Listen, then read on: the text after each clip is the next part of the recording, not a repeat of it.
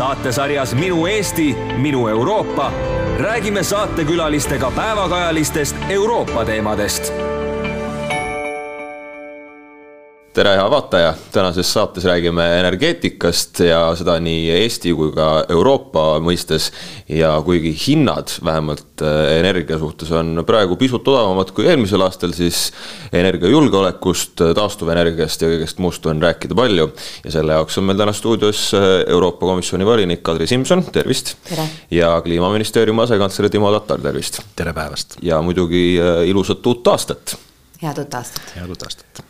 tuleb vist äh, vähemalt väita, et sellega on õnneks läinud, et võrreldes eelmise aastaga siiski need hinnad on äh, natukene ilusamad, sest et eelmine aasta oli ikka päris kole.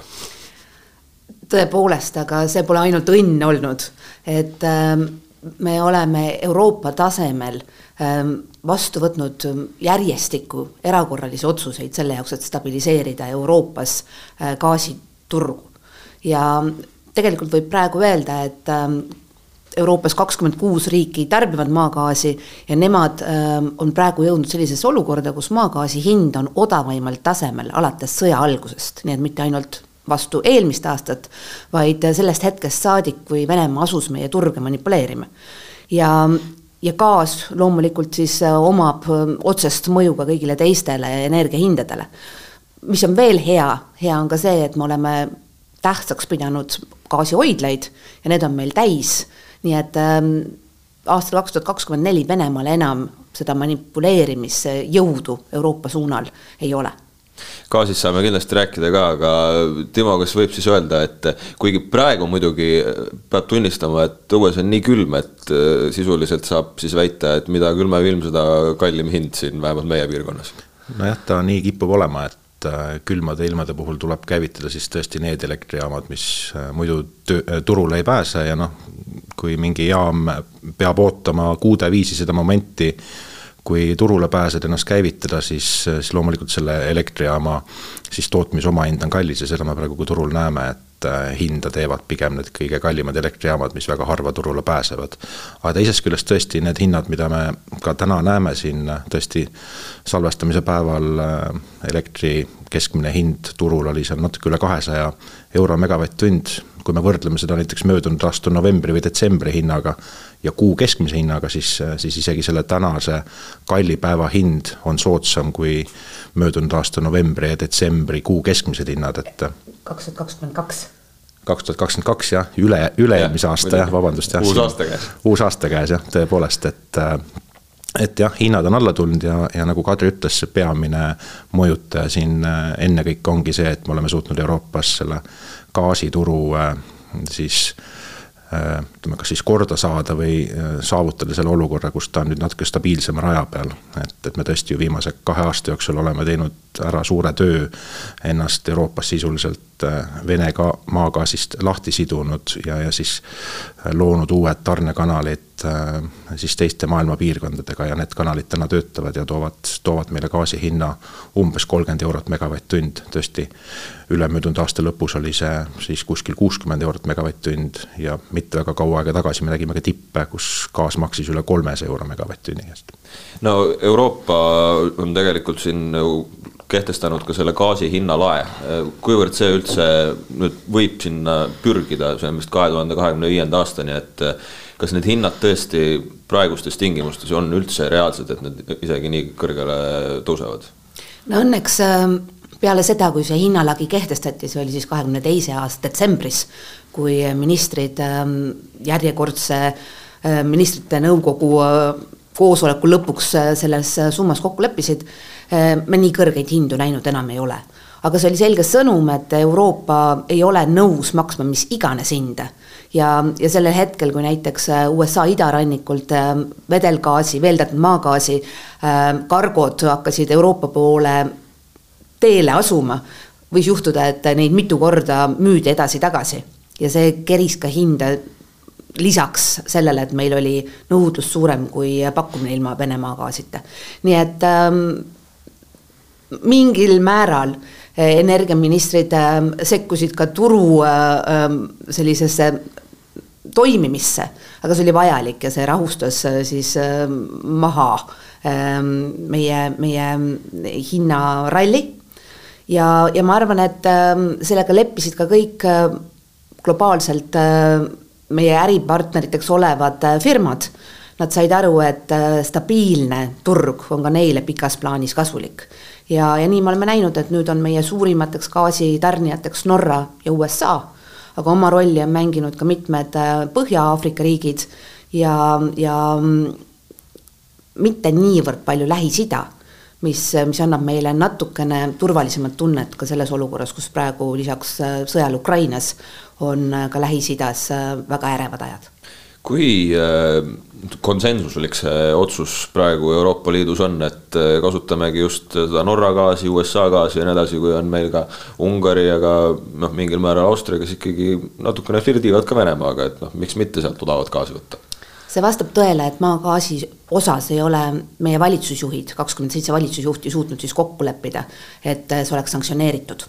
ja seetõttu firmad, kes veel saavad Venemaalt maagaasi, ma tuletan meelde, et see oli Venemaa, kes omalt poolt jättis lihtsalt lepingut täitmata. Need, kes saavad, äh, mingil määral ka kasutavad seda maagaasi, et äh, kui sõjaeelsel aastal sai Euroopa sada viiskümmend viis miljardit kuupmeetrit maagaasi Venemaalt, siis eelmisel aastal tuli meil kakskümmend miljardit toru teel ja kakskümmend miljardit kuupmeetrit LNG näol.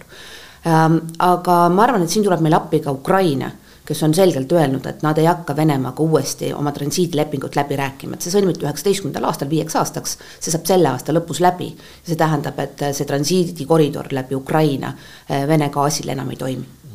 no vähemalt see veeldatud naftagaasi ehk siis LPG eh, nüüd Venemaaga läks sanktsiooni alla, kas see LNG võiks ka ühel ilusal päeval sinna sanktsiooni alla täielikult minna? me olime mina ja mu kolleegid, äh, energeetika eest vastutavad ministrid kärsitud ja me tõmbasime siis selle LNG ähm,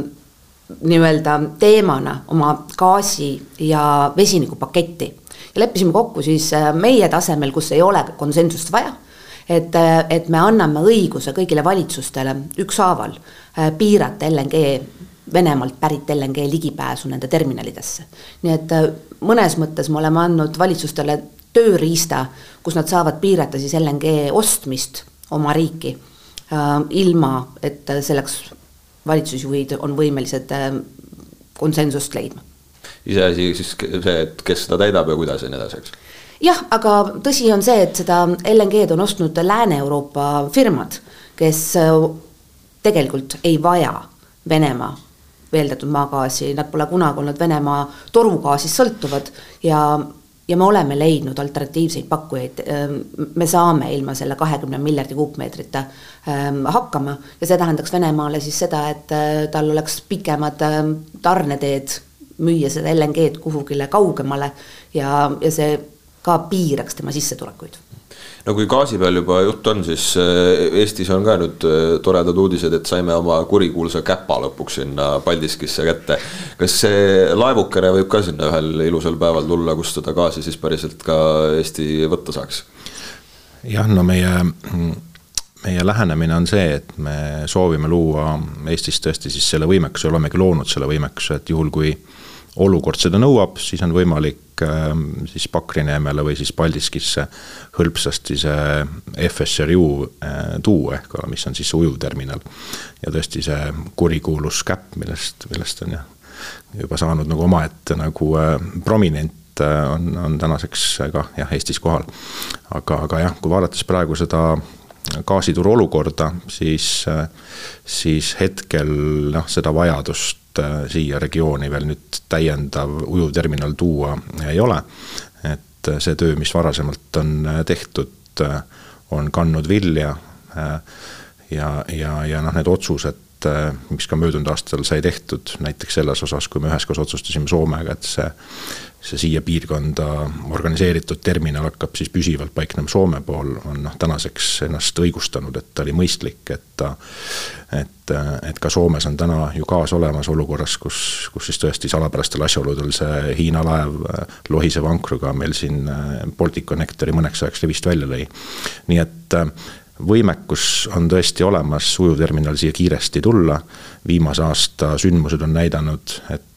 energiaturul tuleb olla valmis ootamatusteks ja noh, selle ootamatusteks valmisoleku jaoks see Paldiskisse rajatud infrastruktuur ongi loodud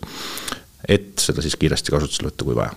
Ja ma saan aru, et äh, kui see laev oleks olnud Eestis Soome asemel ja seesama gaasitoru oleks katki läinud, siis Soome olukord oleks olnud palju tabaram kui meil sellel samal hetkel, kui see nüüd meil siin oktoobri alguses juhtus. jah, täpselt nii, sellisel juhul äh, peaksid soomlased täna olema väga raske valiku ees, kas asuda siis läbirääkimisi pidama venelastega, et hakata neilt gaasi uuesti ostma, mida loomulikult soomlased ega keegi teine mõistlikuks ei pea. või siis peaksid kibekiiresti leidma alternatiive, kuidas siis oma siis gaasitarbijad üle viia teistele allikatele, muid valikuid neil täna ei oleks. nüüd on neil seal see laev, ähm, laevale on tagatud LNG kargod ja Soome gaasitarbijad äh, saavad äh, sedasama maailmaturu äh, LNG-d kasutada, tõsi küll, mõnevõrra kallima hinnaga kui kui siis äh, ülejäänud Euroopa. seepärast on ka oluline, et see Balticconnector kiiresti valmiks, valmis või nii-öelda tagasi ähm, turule tuleks kui nüüd võtta kõige mustem stsenaarium ette, ütleme, et äh, Inčukalsiga on ka mingisugune jama seal või kuidagi seda gaasi ei tule ja samal ajal see Balticconnector noh, praegusel hetkel juhtuks, siis on rivist väljas, siis, siis ma saan aru, et oleks suhteliselt täbarseis juba. Äh, jah, Äh, siis oleks äh, see moment, kus me peaksime siis tõesti juba vaatama selle poole, et, äh, et peaks siis ujuvterminali Paldiskisse tooma, aga see sõltub ka väga palju muidugi veel sellest, et mis see konkreetne olukord on, et kui on mingisugune lühiajaline äh, Äh, katkestus, äh, siis noh, ujuvterminali organiseerimine võtab ikkagi kuude viisi aega, see ei ole selline nipsust kohale tulev masinavärk, nii et äh, tõenäoliselt ka siis, kui on mingisugused lühiajalised tõrked, on, on lihtsam need tõrked ära parandada ja, ja gaasi edasi tarbida. et alati selline maapealne taristu on kiiremini parandatav, et siin võib tuua näite nüüd jälle, las ma nüüd mõtlen, kas möödunud või ülemöödunud aastast, vist kahekümne kolmanda aasta jaanuarist, kus Äh, Läti ja Leedu vahel üks suur gaasitrass äh, plahvatas, noh õnneks oli see noh, tehniline viga, et seal ei olnud kellegi kurja kätt mängus, aga noh, oluline on see, et suur oluline gaasitrass äh, oli kuskil kahe ja poole päeva pärast jälle töökorras ja ja gaasitarbijad said gaasi edasi tarbida, et noh, selle kahe ja poole tööpäevaga nüüd kuskilt ujuvterminali maailmas kohale ei purjeta, et, et selline maapealne taristu on alati ikkagi palju kiiremini parandatav ja, ja, ja see on alati esimene eelistus. aga noh, nagu tõesti, nagu elu näitab, ootamatusteks, ootamatusteks tuleb valmis olla ja noh, energeetikas seda me alati oleme. Kadri, kuidas seesama sündmus Euroopast vaadatuna tundus, kui kõik see uudis välja tuli, kas läks natukene selle energiajulgeoleku pärast äh, ärevaks ka? no meil on äh, paigas riskistsenaariumid ja need on regionaalsed, sellepärast et äh, alati on liikmesriikidel naabrid, kes neid aidata saaks, aga tõsi on, et äh, Soome naaber Rootsi äh, omab kah täiesti marginaalset gaasivaru ja Soomel endal ei ole üldse ökoloogiliselt tulenevalt ähm, gaasihoidlat olemas, nii et Soome on selles mõttes väga väga keerulises olukorras. aga kui me talve riskistsenaariumi paika panime, siis seal kolm põhilist äh, faktorit oligi. esiteks sabotaažiaktid äh, taristu vastu, äh, teiseks suureks riskiks, mis, mis enam ehk nii suurt mõju ei oma, oleks erakordselt pikk ja külm talv ja vaatamata sellele, et sel nädalal me näeme väga külma ilma, siis detsember ja november äh, aitasid, aitasid tegelikult isegi gaasi tarbimise tippu edasi lükata. ja kolmandaks loomulikult nüüd, kui me sõltume rohkem veeldatud maagaasist, siis kõikvõimalikud riskid tootjate poolt, lihtsalt et maailmaturul need mahud äh, mingil põhjusel märkimisväärselt kahanevad. ja, ja selleks kõigeks oleme me valmis ja võib öelda, et, et olukorras, kus, kus detsembriks olid Euroopas gaasihoidlad pea sajaprotsendiliselt täis, oli ka selge, et sel talvel isegi kahe riski ähm, kokkulangemisel me saame üksteist aidates äh, sellest olukorrast välja. nii et äh, jah ähm,, nagu Timo mainis, et äh, maismaal olevad äh, gaasitorud ja elektrikaablid on äh, kergemini kaitstavad ja kergemini parandatavad, kui midagi juhtub. me oleme seda näinud äh, kuidas suudetakse hävitatud taristut parandada näiteks Ukrainas aga, aga pikemas plaanis meie enda jaoks mitte ainult gaasiühendused äh, ei ole tähtsad, vaid ka elektrikaablid ja selles suhtes ma ütleks, et eelmine aasta oli ka veel märgiliselt väga hea aasta, kus äh, lõpuks äh, kolm Balti riiki Poolaga suutsid kokku leppida, et äh, meie Harmony Link tuleb maismaale ja see oli algusest peale. ma mäletan oma esimestel nädalatel olles minister, meie eelistus, et, et poolakad ikka nõustuvad maismaakaabli ehitusega, nüüd siis aastaid hiljem on see materialiseerunud räägime Eestist ka, siin ka oktoobrikuus andis Riigikontroll äh, üpris hävitava hinnangu Eesti energiapoliitikale, et alates kahe tuhande kahekümne seitsmendast aastast võib meil juhtuda, et võib tulla probleem täitsa varustuskindlusega, kui nüüd need põlevkivijaamad enam, tootmisvõimsused enam korralikult majanduslikult ennast ära ei tasu ja need lihtsalt võib-olla pannakse kinni. see oli üsna karm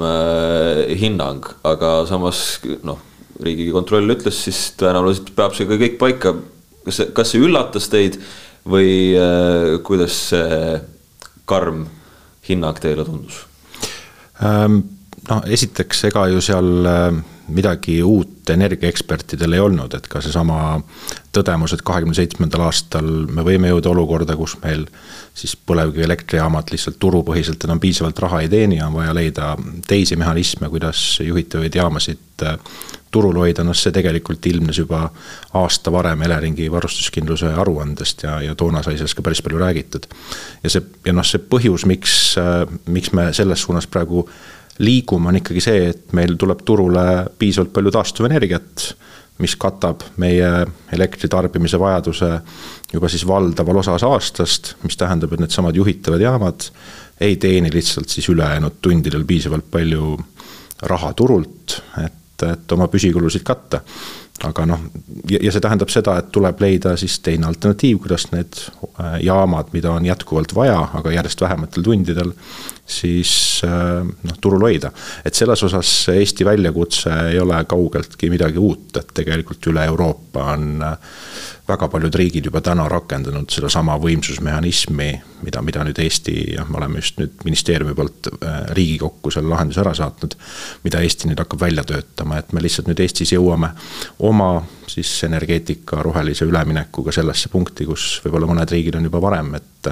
kus nad hoiavad siis neid juhitavaid jaamasid teisel viisil siis äh, kättesaadavana. on see siis strateegiline reserv või võimsusmehhanism, noh, heal lapsel palju nimest. aga kahekümne seitsmendaks aastaks siis on see varustuskindlus siiski olemas, kui need põlevkivijaamad äh, niimoodi töös ei ole? jah, absoluutselt me just lõpetasime eelmisel aastal läbirääkimised äh, elektrituru disaini üle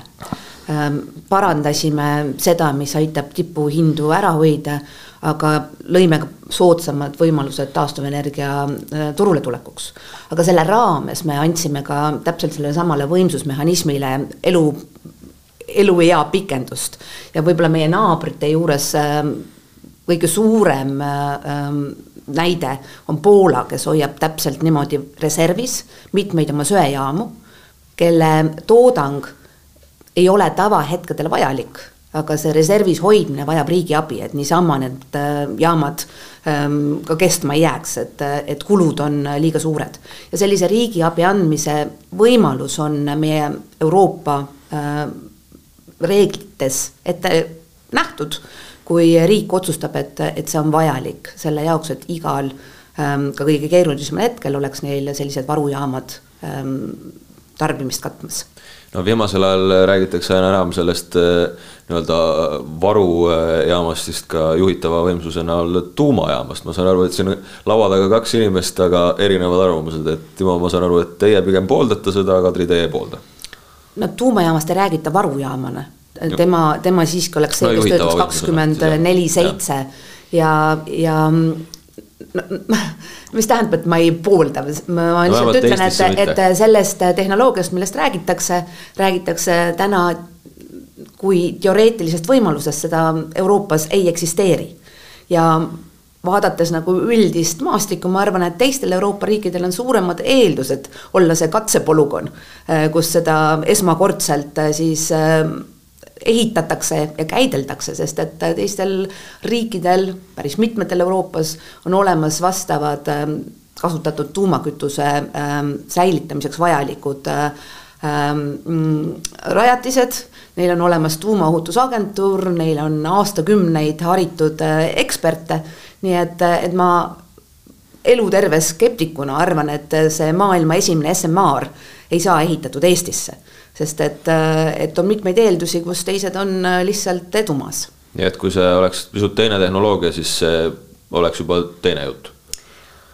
noh, see on iga riigi enda otsus, kuidas ta oma energiavajaduse katab. Euroopa Komisjon siin midagi ette ei ütle Ähm, ja seetõttu meil ongi siis ähm, kahekümne seitsmest liikmesriigist äh,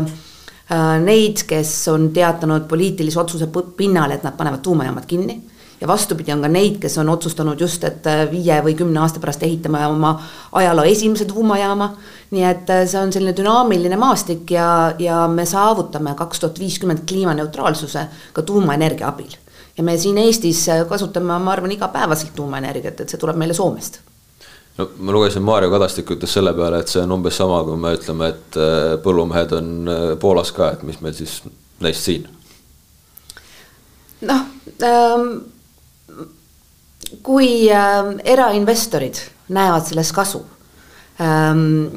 ja arvavad, et nad suudavad äh, ehitada tuumajaama sellise hinnaga, mis äh,, mis äh, nende investeeringud tagasi toodab siis kindlasti riik peab omalt poolt tegema ka kulutusi, et kõik äh, ohutusega seotud aspektid oleks kaetud, et see tuumajaam Eestis ei sünni ilma märkimisväärsete kulutustega ka riigi poolt. Timo, kuidas teie seda praegu näete, kogu seda tuumaarutelu, et kui tõenäoline see on, et selle juhitava võimsuse näol meil see tuumajaam siin kas siis ma ei tea, järgmisel kümnendil on ähm,? jah, ma arvan, et me Eestis oleme selle debati mm, ma arvan siis esimeses äh, otsas praegu, et ja see on kindlasti arutelu, milleks tuleb võtta aega, sest äh, see otsus äh, jääb meiega tõesti noh, sajaks aastaks, kui mitte enamaks. ja, ja noh, kiirustada ei maksa. Mm, teisest küljest noh, mingi hetk tuleb see otsus langetada ja, ja, ja kui me vaatame just nagu seda, et mis on need valikud Äh, riikidel täna, et mis need võimalused on, kuidas toota puhast juhitavat elektrit, mida on kindlasti ka tulevikus vaja tuule ja päikese kõrvale, siis noh, need valikud nüüd väga suured ei ole, et seal ongi tuumaenergia, seal on siis erinevad gaasilised kütused, mida on tulevikus võimalik siis muuta rohelisteks kütusteks, noh maagaas muutub biometaaniks, räägitakse ka vesinikust, noh ja siis on siis selline Euroopa energia siseturg ja selle toimimine, ehk, ehk siis, ehk siis seesama ma arvan, selline laiem kontseptsioon, mille eest ka Kadri seisab, et noh, et me ikkagi oleme loonud Euroopa energiaturu, kus noh, kõikidel riikidel ei pea kõik asjad tingimata olemas olema, et selleks meil ongi head ühendused, ehk siis ütleme siis varustuskindlus noh, regionaalselt, eks ju, et noh, need tegelikult need suures pildis valikud on, kindlasti natuke mõjutab pilti ka salvestus, aga noh, mitte nii palju, et meil oleks võimalik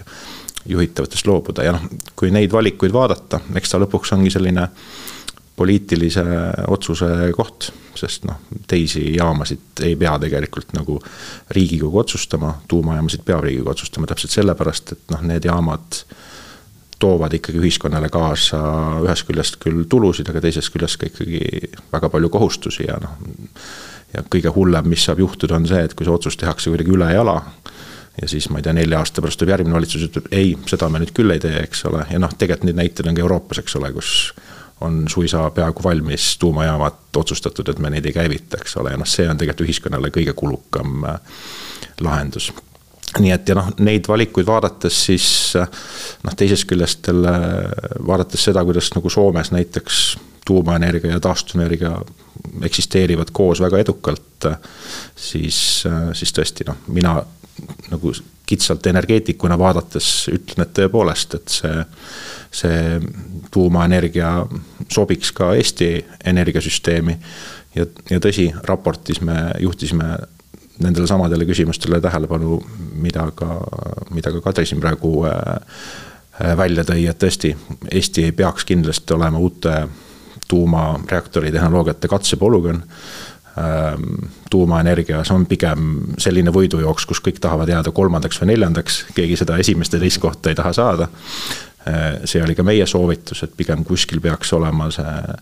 siis mõnes kogenud koge-, kogemustega tuumaenergia kasutamise riigis, kus tõesti on tuumaohutusamet või regulaator väga nagu Äh, nagu suurte kogemustega peaks olema see tehnoloogia enne püstitatud. teine on kindlasti see, et tuumaenergiat ei saa teha kuidagi rahva tahte vastu, meil on vaja siin tugevat äh, rahva toetust. ja noh, kolmandaks tuleb läbi mõelda ka kõik need teised ohutsenaariumid, eks ole, mis sellega kaasnevad, et noh, et, et te, tegu on ikkagi tegu on ikkagi seadmega, millel on küll kaduv väike võimalus, aga siiski oht nagu ikkagi tuuma, tuumaõnnetusteks, eks ole, meil on vaja see valmisolek luua ja see otsus nagu teadlikult teha, eks ju räägime sellest samast taastuvenergiast ka, Eesti plaan on väga ambitsioonikas, aastaks kaks tuhat kolmkümmend ainult äh, taastuvenergiat äh, toota, no seda on küsitud, ma arvan, et iga ajakirjanik on seda vähemalt kolm korda küsinud, et kas see on reaalne. kas on siis reaalne ähm,? jah see on äh, reaalne, toota aastast kaks tuhat kolmkümmend äh, taastuv elektrit sama palju, kui on Eesti aastane elektritarbimine. Mm, noh, selleks on vaja umbes tuuleparke kahe tuhande megavati ulatuses. lihtsalt tavaliselt käibki arutelu selle üle, et kust need tuulepargid tulevad, kui kogu mm -hmm. aeg on äh, arutelu selle üle, et sinna ei tohi ehitada ja tanna ei tohi ehitada jah, aga noh, natuke on see selline, võib-olla ajakirjanikud ise seda mm, puhuvad üles, seda nimbit, et noh, samas võib-olla tuleks üks lugu teha imbist tänaseks, kus nagu äh, inimesed ütlevad, et jah, palun minu taga ajada, eks ole, et siis ka neid juhuseid on järjest rohkem, sest me me oleme suutnud äh, Eestis luua ja noh, see ei ole kuidagi lõplik, see töö, see töö käib edasi, noh, sellise keskkonna, kus juba tegelikult nii on juba päris palju inimesi, kes tahavad neid äh, ja kohalikke omavalitsusi, kes tahavad neid tuuleparke oma territooriumil näha, kui ka ettevõtted on valmis investeerima, et noh, seal selleks on, on, on olnud vaja teha päris palju otsuseid, mida eelmised valitsused on teinud, noh esiteks kõige suurem oli see radarite otsus, et, et meil on Eestis nüüd erinevad valitsused investeerinud enam kui sada nelikümmend miljonit eurot, et luua Eestisse see võimekus radarite poole pealt, et tuulepargid siis ei segaks äh, valdaval osas Eesti territooriumist, ähm, siis äh, ütleme siis meie, meie võimekust äh, näha, mis õhus toimub. teine asi kindlasti, mis tasub välja tuua, on tõesti see kohaliku kasu lahendus. et kui väga pikalt oli tõesti see ehteestlaslik küsimus, et naaber ehitab suure tuulepargiga, mida mina sellest saan.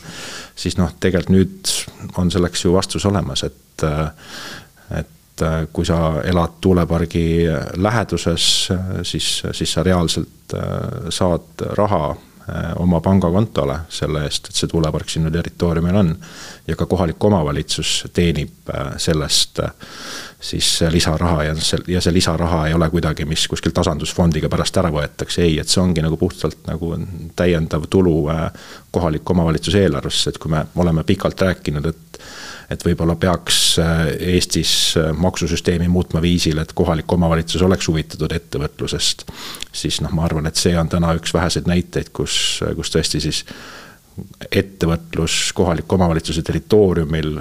võrdub Äh, ikkagi täiendav rahavoog kohaliku omavalitsuse eelarvesse ja noh, tegelikult need asjad on äh, tööle läinud, et äh, möödunud aastal käivitus kaks uut tuuleparki ja praegu on ehituses enam kui kolmsada megavatti siis tuuleparke Eestisse, nii et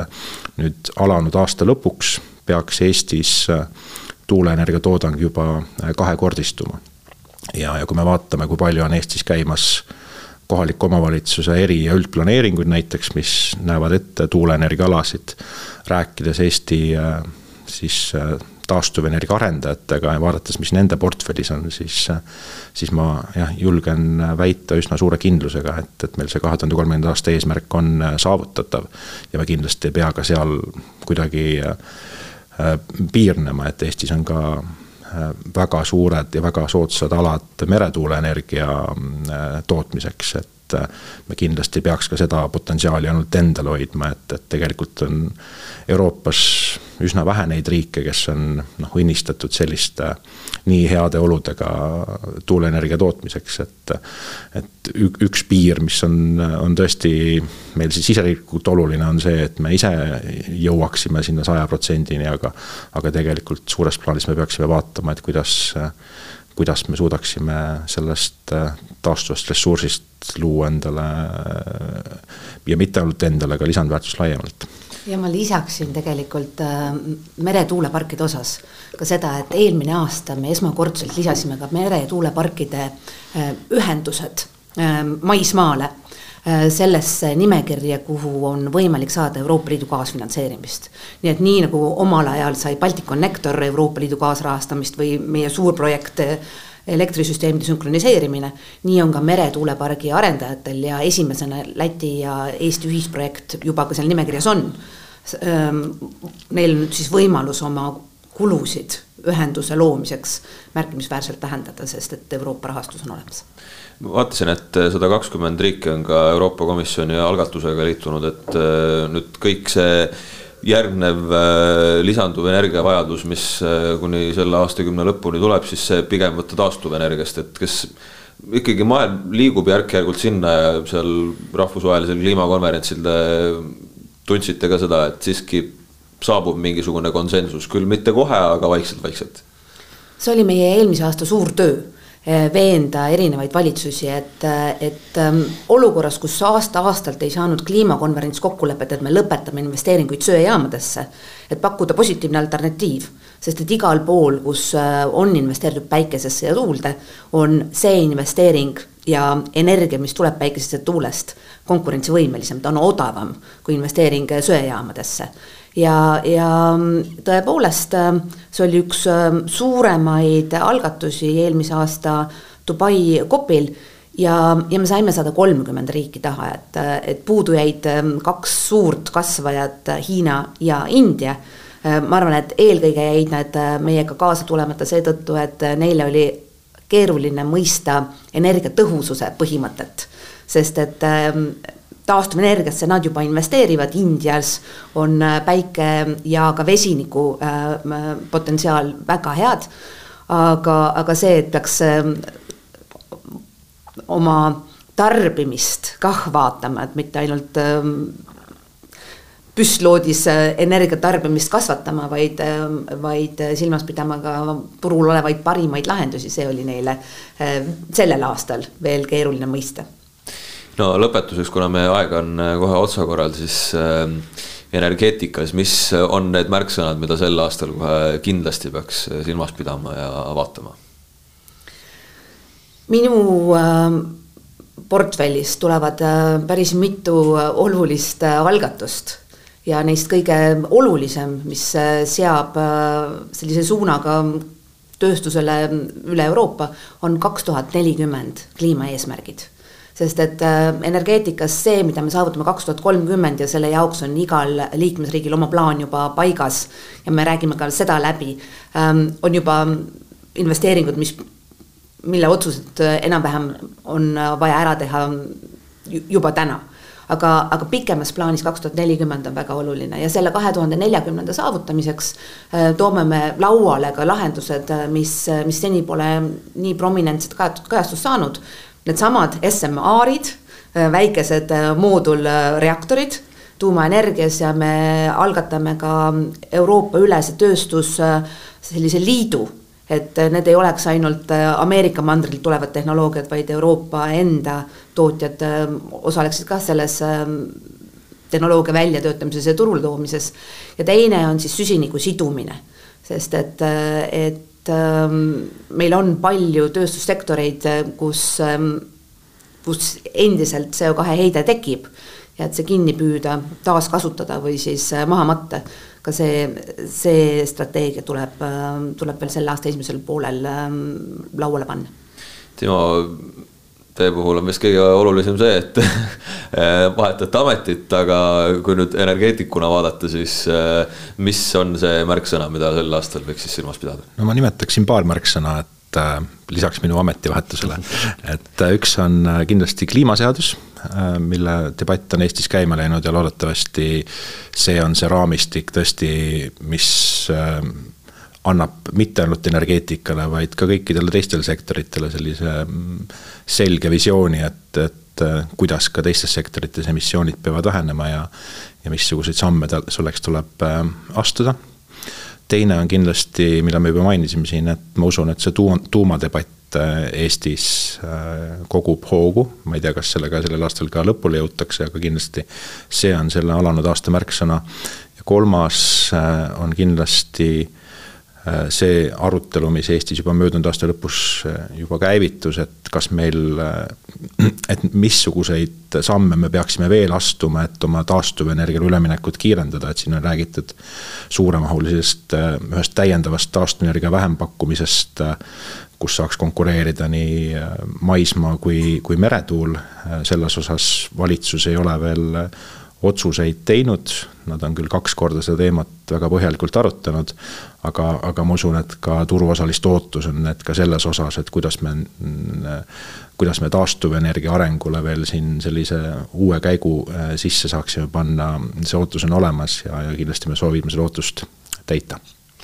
Kadri Simson ja Timo Tatar, suur tänu täna siia stuudiosse tulemast, suur tänu ka kõikidele vaatajatele ja kohtume taas minu Eesti, minu Euroopa. saate tõi teieni Euroopa Komisjoni Eesti esindus